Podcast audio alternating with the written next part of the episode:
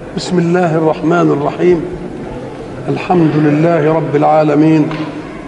الصلاة والسلام على أشرف المرسلين وخاتم النبيين ورحمة الله للعالمين سيدنا محمد وعلى آله وصحبه أجمعين. وبعد فقد وقفنا في اللقاء السابق عند قول الحق سبحانه أعوذ بالله من الشيطان الرجيم. ولقد أهلكنا القرون من قبلكم لما ظلموا وجاءتهم رسلهم بالبينات وما كانوا ليؤمنوا كذلك نجزي القوم المجرمين. أي قال الحق سبحانه وتعالى للكافرين برسول الله المعاندين لدعوته اذكروا جيدا ما صنعه الله بالقرون التي سبقتكم. فإن كان الله قد أسلم رسولا لأعدائه فثقوا أن الله يسلم رسوله إليكم ولكن الله لم يسلم رسولا من رسله إلى أعدائه. كذلك نجزيكم كما جزيناهم بالإهلاك. ثم قال ثم جعلناكم خلائف في الأرض. خلائف جمع خليفة والخليفة هو من يخلف غيره. وإحنا قلنا إن الحق سبحانه وتعالى حينما أصدر أول بيان عن الإنسان قال للملائكة إني جاعل في الأرض خليفة. خليفة الإيه؟ قال لك الحق سبحانه وتعالى قادر وسميع وعليم وله كل صفات الكمال المطلق. وأنت قد تكون لك قدرة ولكنك تعدي أثر قدرتك إلى غيرك ولكنك لن تستطيع أن تعدي قدرتك إلى سواك. أنت قوي وصحيح ورجل آخر ضعيف لا تستطيع أن تهبه أنت من قوته قوة ولا قدرة ليفعل ولكن كل الذي تستطيعه أن تهبه أثر قدرتك. ما يقدرش يشيل الشيء تشيلوه له انت ما يقدرش يمشي تساعده على إنه يمشي. إنما إنما ما تدلوش إيه؟ ما تستطيعش إنك تقول له أنا ساهبك 20% من قوتي. هقسم القوة بتاعتي بيني وبينك مناصفه ما تقدرش. إنما تهبه إيه؟ أثر قدرتك ويظل هو عاجزا وتظل أنت قادر زي ما أنت. هذا هم الخلق. واحد غني وواحد فقير. يقوم يديله من إيه؟ من غناه واحد عالم وواحد جاهل يقوم يديله من إيه؟ من علم. يديله من معلومه إنما ما يديلوش ملكة العلم اللي يعلم. ويفضل هو برضه في مكانه ومكان. ولكن الحق الأعلى. هو القادر وحده أن يهب من قدرته للخلق قدرة. ادالهم اثر القدرة العالية في الافلاك التي صنعها ولا دخل للإنسان بها. شمس وقمر ونجوم ورياح ومطر دي ما فيش دخل إيه؟ ولكنه في الأمور التي حول الإنسان أعطاه طاقة من قدرته فأصبح قادرا أن يفعل كذا. مش فعل له هو فعل له في الملأ الأعلى الحاجات الكبيرة. وترك له أن يقدر على مين؟ على أن يفعل. يبقى عد له إيه؟ مش أثر قوته بس في الأفلاك العالية عد له من إيه؟ من قدرته ليقدر على الفعل ومن غناه ليعطي الفقير ومن علمه ليعطي الجاهل ومن حلمه ليحلم على الذي يأذيه. الله.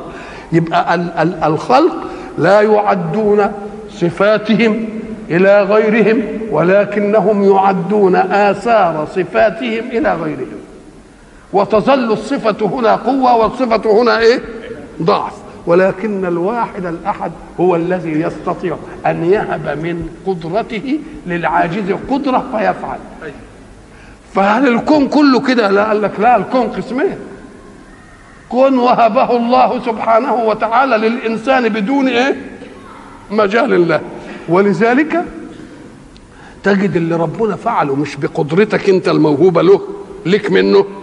اللي هو عملها بس ولا عداش قدرتك عشان تفعلها مستقيمة في أمرها استقامة لا يتأتى لها خلل. نظام الكون والسماء وجري الشمس والقمر والأفلاك والريح فيها عطب فيها خلل. طب ليه ما فيهاش خلل؟ أم قال لك لأنها خلق هو لوحده. فإن كنتم تريدون أن تستقيم حركتكم أنتم فيما وهبكم الله من قدرة فخذوا منهج الله لتستقيم لكم حركاتكم الخاصة. الحركات العالية مستقيمة ولا مش مستقيمة؟ لأنه لا دخل لكم فيها. إن تدخلت فيه تفسدوه. ولذلك لا فساد في كون الله إلا لما للإنسان فيه يد. إنما شيء للإنسان ما فيش فيه يد واليد كلها لله التي لم يعدها إلى خلقه. أمور إيه؟ ولذلك الشمس والقمر بحسبان. يقول لك الساعة كذا هتعترض الشمس بين الأرض والأرض والقمر يحصل كذا القمر بين الأرض والشمس. تمسكها لا. إيه ليه بحسبان؟ أما لك لأن الإنسان ملوش دخل إيه؟ ملوش دخل فيه. طب وبقى يمنع إن الإنسان يتدخل؟ قال لك إن تدخلت فتدخل بمنهج الله. تدخل بمين؟ فإن تدخلت بمنهج الله تستقيم لك حركتك في الأكوان كما استقامت الحركة العليا التي لا دخل لك فيها. اذا فالذي يفسد الأكوان إيه؟ تدخل الإنسان فيما يحيط به فيما ينفعل له وينفعل به على غير منهج الله.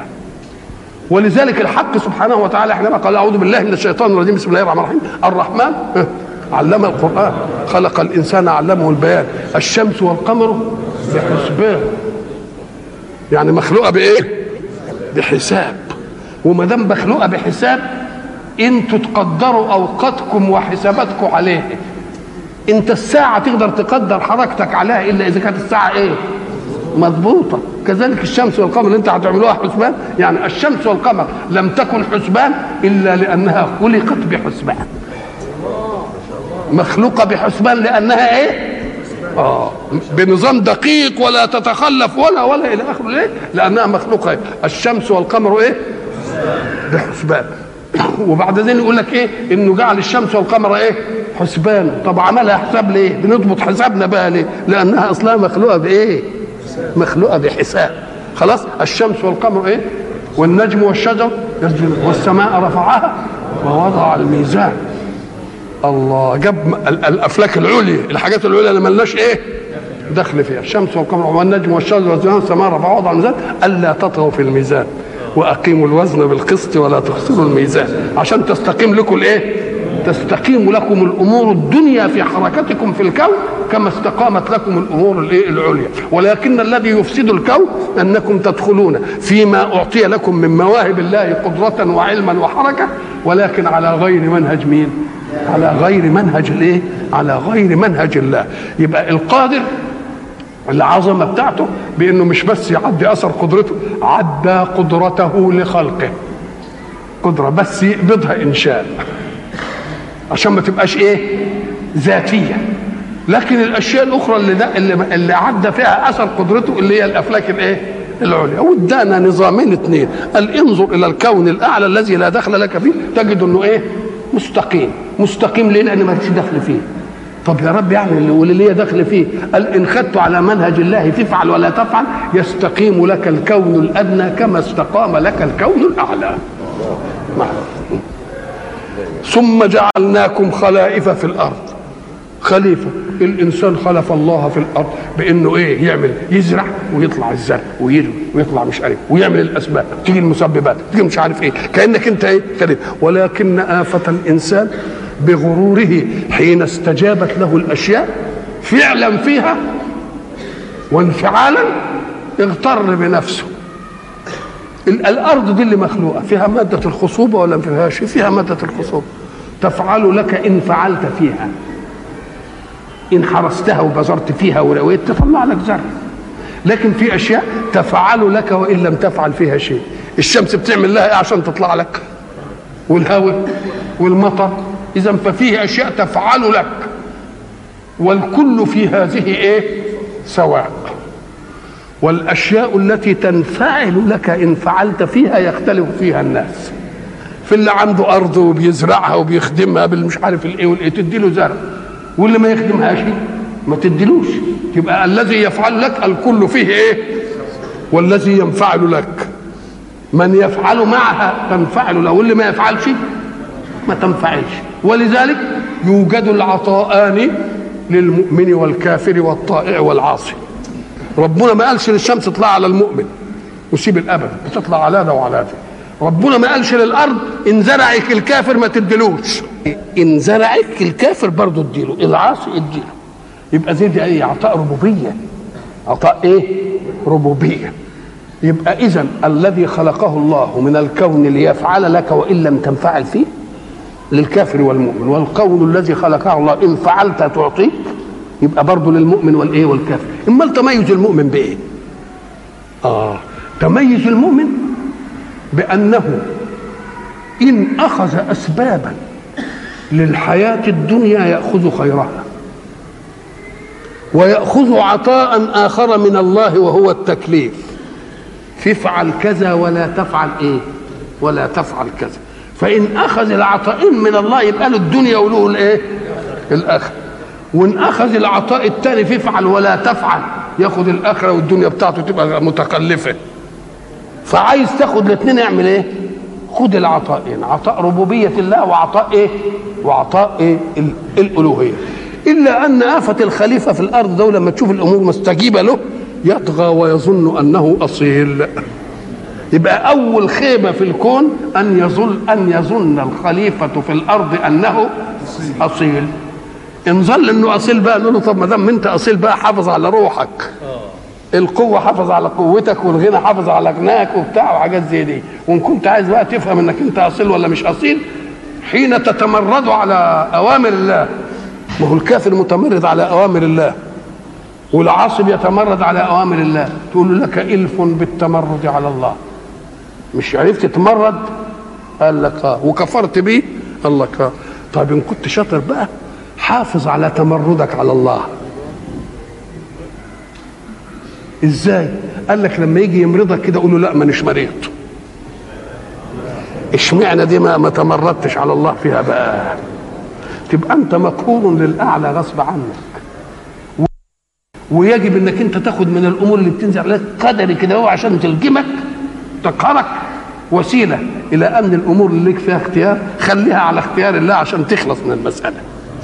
وإلا فأنت متعود التمرد. طب ما تتمرد بقى لما يجي لك الموت بقى تمرد قول له لا مش ميت. ما بيحصلش ليه؟ اذا أنت مقهور في تصرفاتك. فتبقى مقهور في جزئية ومن لا خليك بقى راجل وطوالي على طول كده. ويبقى اذا الخليفة لو ظلنا لو ظل في أنه خليفة زي ما تيجي الواحد توكله في أمور مالك. ساعة ما توكله في أمورك بيعا وشراء وهبة والكلام اللي بيقولوه المحامين في العقود. خلاص؟ وبعدين يروح يتصرف بقى كأنه إيه؟ ولا يسألش عنك ويمكن ما يعرضش عليك كشف حساب ولا تشوفه ولا بتاع. تبعت له ألف مرة. ما هو اعتبر نفسه إيه؟ أصيل. نقول أدي الخيبه يروح عامل إيه بقى صاحب الشقه يجي يروح لغي له التوكيل حاجة بسيطة قوي آه نعم. ثم جعلناكم خلائف في الأرض. وإذا كنتم قد خلفتم من هلكوا يبقى لازم تاخدوا عبرة وعظة في إن الله غالب على أمره. وما تعكسوش الرسل وخدوا منهجهم. أو على الأقل ما تعرضهمش مش عايزينكم تؤمنوا بهم يا سيدي. ولكن دعوهم ليعلنوا كلمة وليعلنوا منهج الله وليطبقوا حركة الكون على وفق ما يريده الله. وأنتم أحرار. تؤمنوا؟ من شاء فليؤمن ومن شاء فالايه والدليل على ذلك أن الإسلام حينما دخل فتحا في كثير من البلاد أبقى أناسا على أديانهم مع أنه دخلهم بالفتح يعني بالسيف بالغلبة. ما فيش حد له اختيار هنا. ومع ذلك يقول لك هناخد الجزية. المغفلين المستشرقين يقول لك الإسلام بيفرض جزية على الناس. وبعدين يقولوا ده الإسلام انتشر بالسيف. نقول لهم ما تتناقضوش بقى. ده لو كان انتشر بالسيف ما كانش يخلي ناس على دينهم وياخد منهم جزية. معنى جزية إنه فاضلين على إيه؟ على دينهم يبقى ما أكرههمش على دين. إنما هو حمى حمى حرية الاختيار بالسيف. قال أنا هحمي حرية اختيار الواحد لدينه. واللي عايز يفضل على دينه يفضل إيه؟ يفضل على دينه. بس أنتم هتعيشوا في مجتمع ستتكلف الدولة الإسلامية فيه كل مرافق حياتكم. والمسلم يدفع زكاة لبيت المال. فأنتم ما تنتفعوش بكل هذه الأشياء دون أن تهون يبقى ناخد منكم إيه؟ جزية. مقابل إيه؟ الخدمات اللي إحنا بن إيه؟ اللي بن اللي, اللي بنأديه فإذا اعتقد الإنسان أنه خليفة يقوم يظل إيه؟ متذكر سطوة من استخلفه. سطوة من استخلفه ويقدر إيه؟ يمنعها إيه منه. فما دامت المسألة هاتوها من إيه؟ من قصير إيه؟ وساعدوا النبي على دعوته. امنوا به اولا. ما أمنتوش به إيه؟ اتركوه ليعلن إيه؟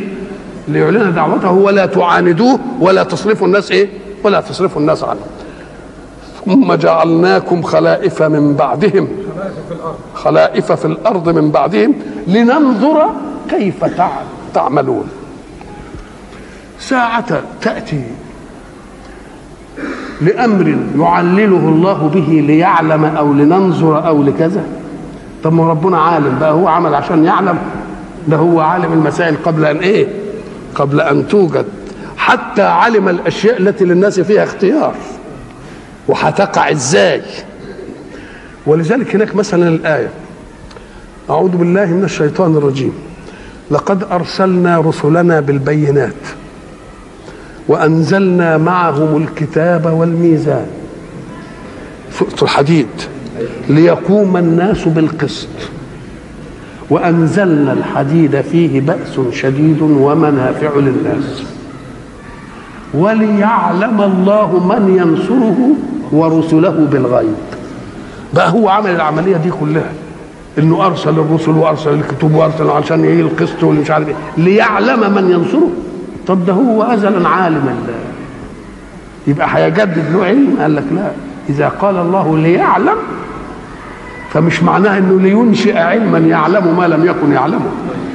لكنه يعلم علم مشهد وإقرار منك. لأنه ربما يقول أنا أعلم إنه كنت لو عملت كذا وكذا وكذا هنعمل كذا ولذلك أنا عملت كده من الأول. يقولوا له لا لو سبتني كنا هنعمل كذا ونعمل كذا. يقول لك طيب هنسيبك يا سيدي. يقول له يا ابني ما تدخلش إيه؟ الامتحان. هتسقط.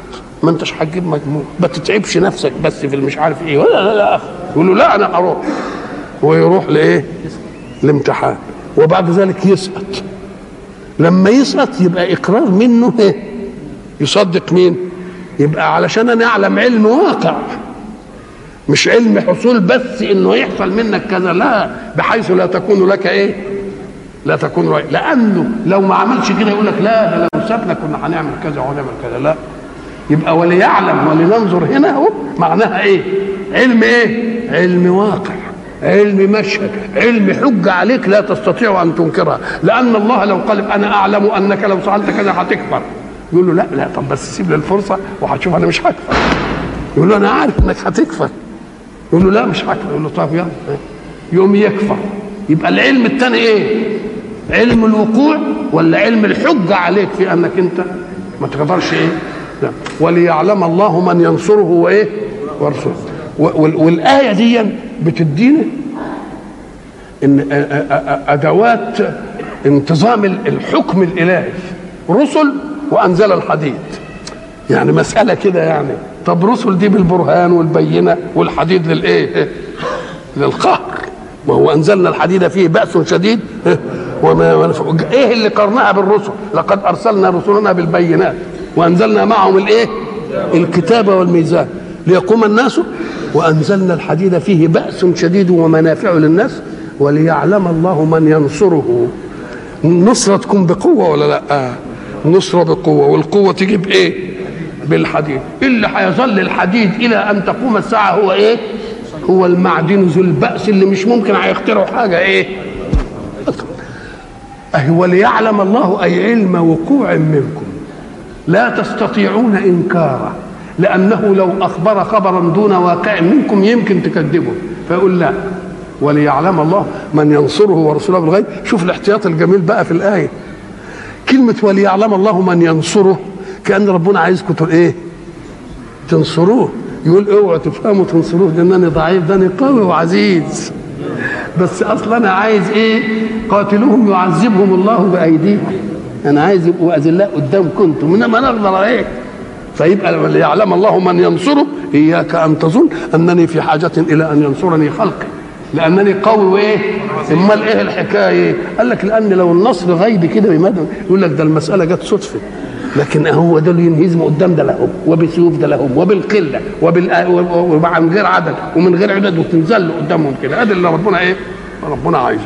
يبقى اذا قول الحق سبحانه وتعالى ثم جعلناكم خلائف في الأرض من بعدهم لننظر أي نظر واقع مش نظر علم وإلا فهو إيه؟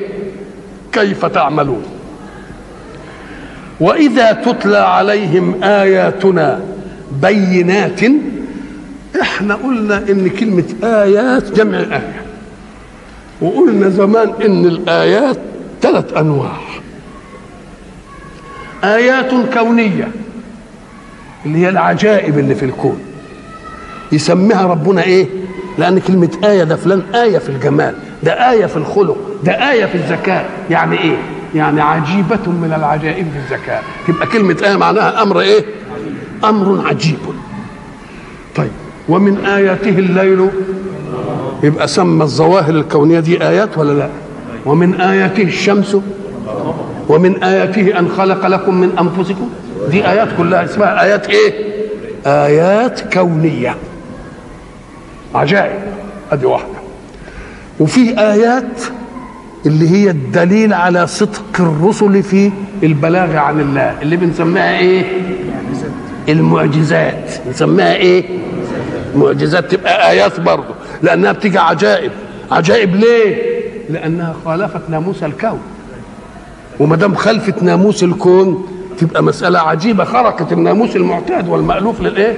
المألوف للناس. يعني مثلا الشيء الطبيعة للشيء أن يكون كذا. فإذا خرج عن طبيعته يبقى ده إيه؟ إحنا قلنا زمان إن مثلا الحق سبحانه وتعالى. لما يحكي عن سيدنا إبراهيم إن اعداؤه خدوه إيه؟ ورموه في الإيه؟ في النار. افهم. أنه لم يكن الحظ من ذلك أن ينجو إبراهيم من النار. وإلا لو كان الحظ أن ينجو إبراهيم من النار كانت له أشياء كثيرة. قوي لا يمكنهم من أنهم يمسكوه. إنما لو ما مكنهمش أنهم يمسكوه كانوا يقولوا يا سلام لو آه هو طفش بس. آه لو ايدنا طليته. لا يا اخويا ايدكم طليته. خدوه. خلاص. وبعدين يمسكوه كده أهو. ويقيدوا الإيه؟ النار. لو أن النار ربنا عايز يطفيها وينجي إبراهيم ينزل شوية مطر بس. تطفي النار. إنما يقولوا آه لو ما كانتش الدنيا مطر حظه حلو ابن الإيه؟ المطر نزل طفى النار. لا يا اخويا مسكتوه وقدرتوا عليه. ورمتوه ولا نزلش مطر طفت النار ورميته إبراهيم في النار. خلاص ما فيش بقى حاجة لكم كده؟ شوفوا الخجل بقى. واهب النار الإحراق قال لها تعطلي يا نار عن الإحراق. ابطل ناموس قلنا يا نار كوني بردا وسلاما على شوف. شوف الخيبة بقى بتاعتهم تمكنوا من كل حاجة. يعني ما ترك لهمش إيه؟ ما ترك لهمش تبقى دي عجيبة ولا مش عجيبة؟ يبقى اذا الآيات تطلق على الآيات الكونية وتطلق على الآيات اللي هي الإيه؟ المعجزات. وتطلق على آيات القرآن. آيات الإيه؟ القرآن. طب ما دام الآيات القرآنية من الله ها؟ والمعجزات من الله وخلق الكون من الله هل هناك آية تصادم آية؟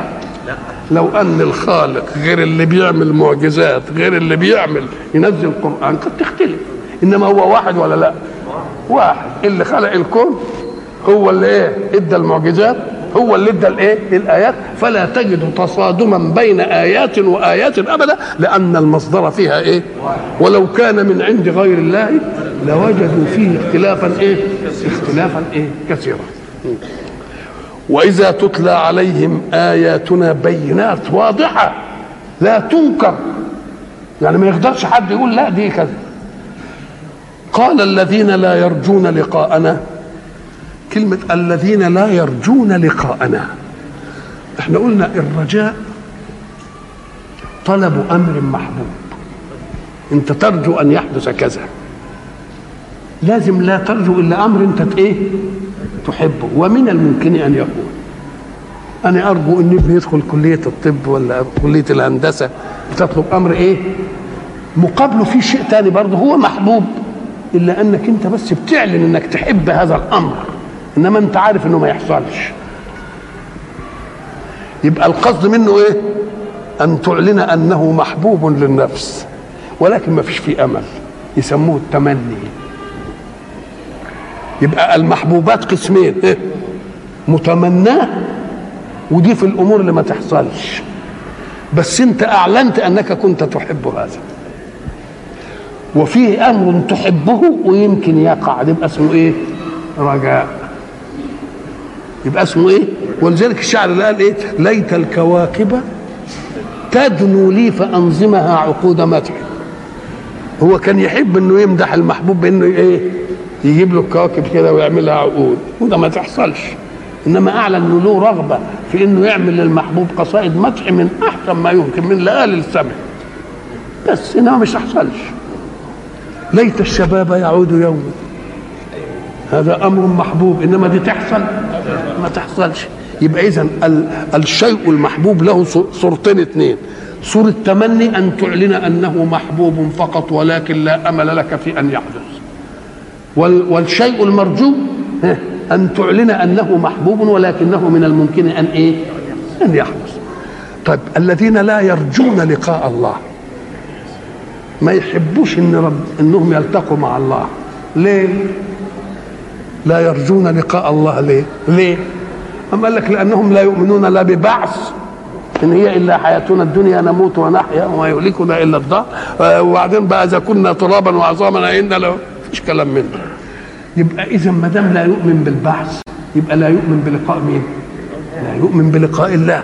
والذي يؤمن بالبعث يؤمن بلقاء مين؟ وما دام يؤمن بلقاء الله يبقى يعد نفسه له. ولكن الكافرين الذين لا يؤمنون بالبعث سيفاجؤون بالإله الذي أنكروه. شوف المفاجأة الصعب بقى. ولذلك إيه؟ مثل الذين كفروا بربهم أعمالهم إيه؟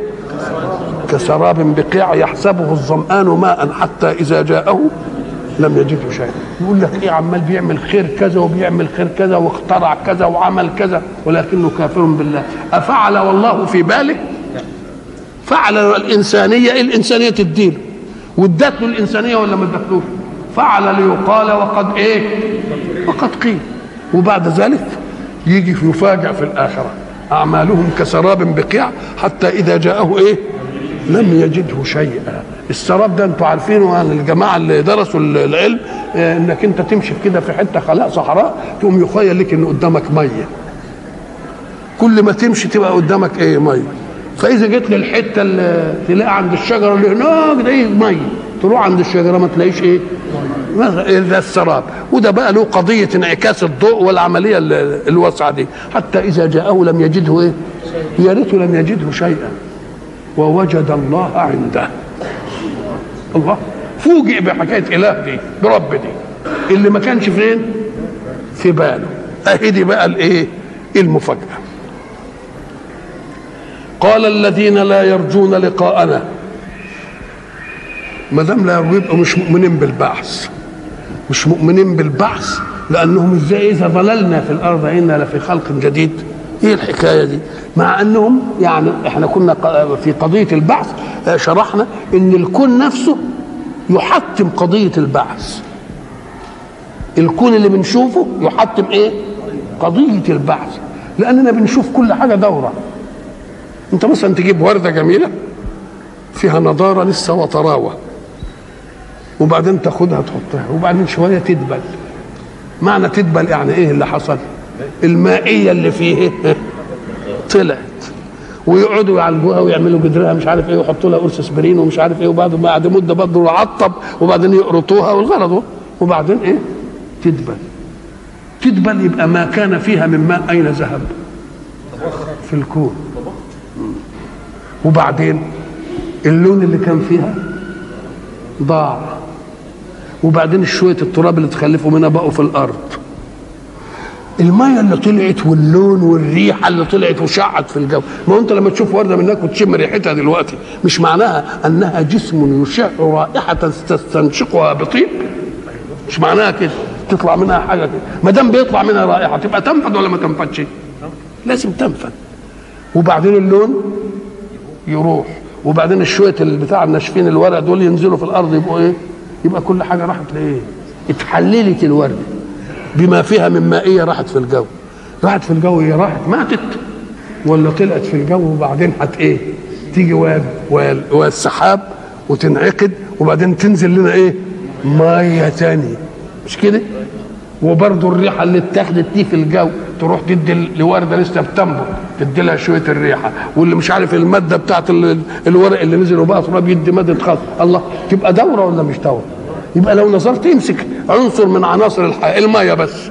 تجد إن الكمية اللي موجودة من الماء ساعة خلق الله السماوات والأرض هي هي بعينها. لم تزد ولم تنقص. ليه؟ لأن افرض إنك شربت 20 طن مية. طب وطلع منك منهم كام؟ في فضلاتك وفي عرقك وفي كذا وفي كذا. باقي في جسمك كام؟ 90% من الوزن. وبعدين؟ هو ده اللي انت حاجزهم. انما الباقي طلع ونزل طلع ونزل طلع ونزل. والباقي لما يموت يطلعوا شوية الاخرين اللي باقيين. ويطلعوا شوية الباقيين هينضموا برضه للسحاب وإيه؟ وينزلوا. وبعدين يعملوا إيه؟ الله دورة. تبقى انت إيه مستعجب إيه؟ الشيء الذي تنتفع به له دورة. والدورة عمالة تسلم لايه لدورة. وإنت مستفيد بين هذه الإيه؟ الدورات. هدما وإيه؟ وبناء. بيبني عن مهدوم خدت مية مش عارف الله. يقول لك وتشيع في الأشياء. يبقى ده في مية كانت في كذا وده في مية كانت في فلان ودي كانت مية في مش عارف إيه بقى. والمهم بقى ساعة ما توجد كده ربنا ما يخليهاش كده بيطلعها مقطرة. شوف إحنا لما بنقطر بقى حاجة بنعمل إيه؟ ده إحنا لما بنقطر كوباية مية عشان المعمل نعمل فيها شوية دواء ولا بتاع شوف بتكلفنا قد إيه. بنعمل إيه؟ موقد ونجيب إناء نحط فيه مية وبعدين نولع الموقد بوقود والماء بتاعه تغلي. لما تغلي تطلع منها إيه؟ البخار. البخار نمرره في أنابيب. الأنابيب نحط حواليها مادة باردة نكثف تنزل قطرات المية. كذلك. اوعى تفتكر إن الميه اللي كانت في الجيفة ولا اللي في الإنسان ولا اللي في الحيوان ولا في الأرض طلعت كده هي بتاعت الإنسان؟ لا. ده طلعت إيه؟ مقطرة. طب تقطيرها ده أين المعمل الذي يقطرها؟ معمل غير مرئي. تلتفت ولذلك تجد المية ثلاث أرباع الكون. ليه؟ عشان يوسع رقعة المية. لما يوسع رقعة المية يبقى دي إيه؟ إعطاء مسطع واسع للتبخير. وتطلع الميه ولن تداني بالعملية إلا أن الميه تنزل إيه مية عذبة مية إيه زلال. وإحنا ضربنا مثل عشان تفهم أن هذا أن الحيز في الماء كلما كان واسعا كلما كان التبخير فيه إيه أسرع. قلنا هات كوباية مية وتعالى في أوضة كده. وخد المية دي وبخها في الأوضة. وهات كوباية تانية زيها تمام وحطها في الأوضة. وبعدين غيب عنها يومين ثلاثة. تقوم تجد الماء اللي انت كنت بخخه لا أثر لها. والكوباية دوب ما نقص منها يمكن ربع ملي. إيه اللي خلى الكوباية دي راحت في الجو؟ اتساع أتوسع. رقعتها وسع واتبخرت عشان يقضي بقى الكون ده مية تنزل ومش عارف إيه لازم رقعة الماء تبقى إيه؟ ثلاث أرباع. شفت؟ ثلاث أرباع اليابسه إيه؟ ماء. عشان يخدم الإيه؟ عشان يخدم الايه؟ عشان يخدم الايه؟ الربع أوه. يبقى اذا كلمة لا يرجون لقاءنا يعني لا يؤمنون بالبعث ولا بالنشور وما دام لا يؤمنوا بالبعث ولا بالنشور يبقى ما فيش ثواب ولا فيش إيه؟ عقاب ويبقى ما هي إلا حياتنا الإيه؟ ما حياتنا الدنيا. نقول لهم لا الكون الذي تعيشون فيه يوجب عليكم أن تؤمنوا بأنها دورة من الممكن أن إيه؟ أن تعود. كما بدأنا أول خلق لا يرجون لقاءنا يتمحكوا بقى. ائت بقرآن غير هذا أو بدل. شوف بقى في طلبين اثنين ولا طلب واحد؟ طلبين اثنين ائت بقرآن غير هذا أو بدل. نيجي نشوف النص الأسلوب. ائت بقرآن غير هذا أو بدل. معنى بدله يعني إيه؟ يعني هات غيره. طب ما هي بدله يعني هات غيره؟ يبقى ائت بقرآن غير هذا ما يقد العبارة قد بعضها. قال لك لا ده ربنا اللي بيتكلم. ائت بقرآن غير هذا. يعني هات لنا قرآن غير ده بس بالأسلوب ده وال يعني صورة تانية بقى. أو بدل بدل آية مكان آية. الآيات اللي بتشتم فيها أصنامنا ها خليها بلاش. الآيات اللي بتتعددنا فيها إننا مش عارف إيه بلاش. الآيات اللي بتعمل كده يبقى اذا ولذلك يقول الله وإذا بدلنا آية مكان آية. والله أعلم بما إيه؟ يبقى اذا فيه تبديل وفيه إيه؟ وفيه ائت بقرآن غير إيه؟ غير هذا. ائت بقرآن غير هذا أو بدل. طب فماذا؟ الرد. الطلب أمران. ائت بقرآن غير هذا أو أو بدله لكن جواب الله لم يأتي إلا عن شق واحد. قل ما يكون لي أن أبدله من تلقاء نفسي. إنما فئت بقرآن غير هذا ما فيهاش رد. يبقى الأمر كام أمر؟ طالبين حاجتين اتنين. ائت بقرآن غير هذا أو بدله. ربنا قال له قول إيه؟ قل ما يكون لي أن أبدله من تلقاء نفسي. كان مقياس الجواب أن يقول ما يكون لي أن آتي بقرآن غير هذا أو أبدله لكنه اكتفى أو بدل. ليه؟ لأن الإتيان بقرآن هيبقى تغيير للكل. شيل ده كده وهات لنا قرآن تاني. لكن التبديل يمكن لإيه؟ لآيات. إن هي السهلة الثانية يبقى نفى الأسهل. يبقى الأصعب منفي بطبيعته ولا لا؟ وإذا تتلى عليهم آياتنا بينات قال الذين لا يرجون لقاءنا ائت بقرآن غير هذا أو بدله قل ما يكون لي أن أبدله من تلقاء نفسي؟ إذا فأمر التبديل وارد. بس مش من عندي. إنما أمر الإتيان بقرآن غير هذا مش وارد. يبقى اللي مش وارد إيه دلوقتي؟ التبديل وارد ولكن ما يكونش من مين؟ من عندهم ولذلك وإذا بدلنا آية مكان آية. يبقى حاصل ولا مش حاصل؟ بس أنا اللي ما بجيبش. قل ما يكون لي أن أبدله من تلقاء إيه؟ من تلقاء من تلقاء يعني من جهة. تلقاء دي تقول لقيت فلانا لقاء. أو لقيت فلانا تلقاء. بس لما بيجي المصدر من جنس من قد حروف الفعل بيسموه مصدر. أزيد أو أقل يسموه اسم مصدر. ويسمون التلقاء هنا الجهة. ولذلك في آية تانية في القرآن ولما توجه تلقاء مدين. تلقاء مدين يعني جهة إيه؟ طب وهل التلقاء بمعنى اللقاء والتلقاء بمعنى الجهة هو المعنى واحد؟ أم قال لك إيوه؟ أصل لما تقول أنا لقيته يعني بقيت أنا وهو في إيه؟ في حتة واحدة. ولما نتوجه إلى مكان معناها أنا والمكان يبقى هي هي ولا لأ؟ يوم يظن بعض الناس إن كل لفظ يأتي لمعنيين إن فيه إيه؟ إن فيه تناقض. لأ ما فيش فيه تناقض بس المسألة انفكاك جهة. انفكاك إيه؟ زي إحنا ما قلنا ما إيه؟ فولوا وجوهكم شطر. شطر المسجد. الشطر معناه إيه؟ الجهة. والشطر معناه النصف. أخذ فلان شطر ماله. يعني إيه؟ نصفه. واتجهت شطر كذا. يعني إيه؟ يبقى جهت.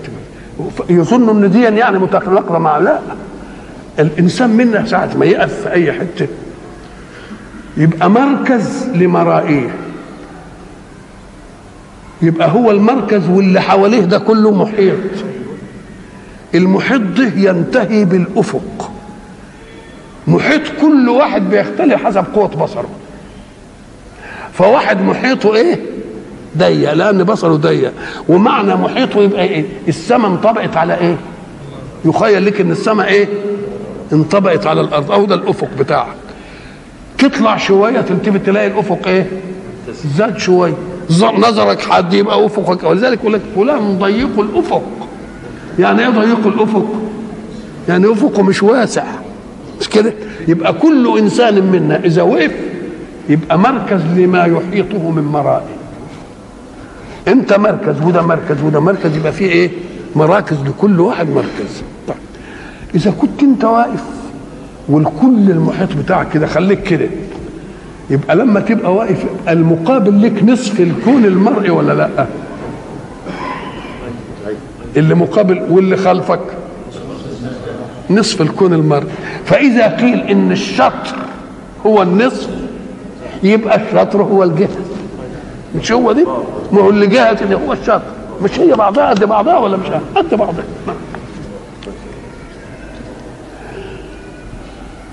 من تلقاء نفسي إن أتبع إلا ما يوحى إلي.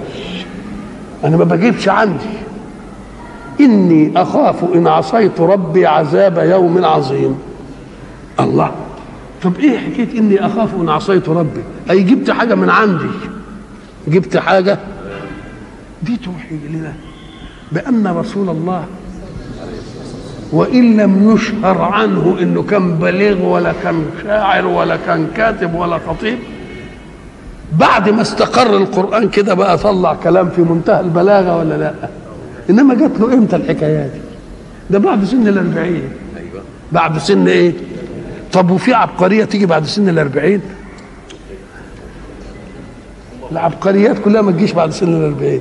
تقول لك ده كانت عنده ومدكنه لحد ما يجي سن الأربعين وبعدين يفجر العبقرية ويجي. يقول له يا أخويا من ضمن له إنه هيعيش لحد 40 سنة وأبوه مات وأبوه هو في بطن أمه وأمه ماتت وهم ست سنين وجت والدنيا عمالة بتنقضي مين كان هيضمن؟ يعني كان هيحكم العبقرية دي؟ يوم ربنا بقى يجيب الدليل بقى. إن أتبع إلا ما يوحى إلي. إني أخاف إن عصيت ربي. بمعنى إيه؟ إن بدلت من تلقاء نفسي. عذاب يوم إيه؟ عذاب يوم عظيم. قل بقى رد على الحكاية دي الرد لو شاء الله ما تلوته عليكم ولا أدراكم به. فقد لبثت فيكم عمرا من قبله. طب ماني وياكم طول عمري. واللي بيبقى عنده قوة بلاغة قوة شعر وقوة أدب ما بيكتمهاش. ده بيبقى سنه لسه 15 و17 و20 وعمال بيقول. طب ما أنا عايش وياكم عمركم شفتني قلت كلمة يعني حكمة. عمركم شفتني بخطب؟ عمركم شفتني ارتدت على شيء من هذا؟ طب وأنتم عارفين ان لا جلست إلى معلم. حتى لما حبيته تتهموني بهذا؟ وقلتم إنما يعلمه بشر. فضحكم ربنا. اللسان الذي يلحدون إليه أعجمي وهذا لسان عربي مبين. يبقى رد عليهم الإيه؟ ولا طلعت اتعلمت بره ولا قريت كتب ولا أي حاجة فمن أين جاءتني هذه؟ أفلا تعقلون؟ يعني تعقلوا الكلام أنتوا عمالين بتقولوا انك انت جايب من عندك. طب ما أنا عايش وياكم وأنا صغير. هل جربتم علي انني خطيب؟ هل جربتم علي انني شاعر؟ هل قلت لكم مثلا خطبة مرة؟ ما اتكلمش في حاجة زي دي. دي مسائل حين أذن الله جاءت وأنا مبلغ عن الله. طب واحد ينسب إليه كمال فينفيه عن نفسه. ده الناس بتدعي اللي مش ليه. الله يجي يسرق قصيدة من واحد ولا مقال من واحد زي ما بتشوفوا كده. مقال من واحد كاتب بقاله 30 40 سنة وفاهم إن ما حدش داري وروح جايب المقال وحاطط إيه؟ ده الناس بتدعي اللي مش لها ما دام في شيء كويس كده وبتاع. وهو بيقول لا مش بتاع. يا ناس أنا مش بتاع أنا. أديني ما أنا كنت قدامكم أنا ما أعرفش حاجة. هو بينفع نفسه كمان؟ بشر. إنما بيثبت له كلام إله. كمال إله. علشان يقول ده من عنده ولذلك كانت الأمية في رسول الله. الأمية في شرف. ليه؟ الأمية في أمثالنا نقص. لكن فيه شرف. ليه؟ لأن معنى أمي يعني نازل من بطن أمه ما خدش حاجة من المجتمع. أبدا. أمال اللي قاله ده قاله منين؟ من الله. يبقى الأمية فيه شرف ولا لا؟ كأن اللي عنده كله جاي من إيه؟ جاي من الايه جاي من السماء وإلى لقاء آخر إن شاء الله.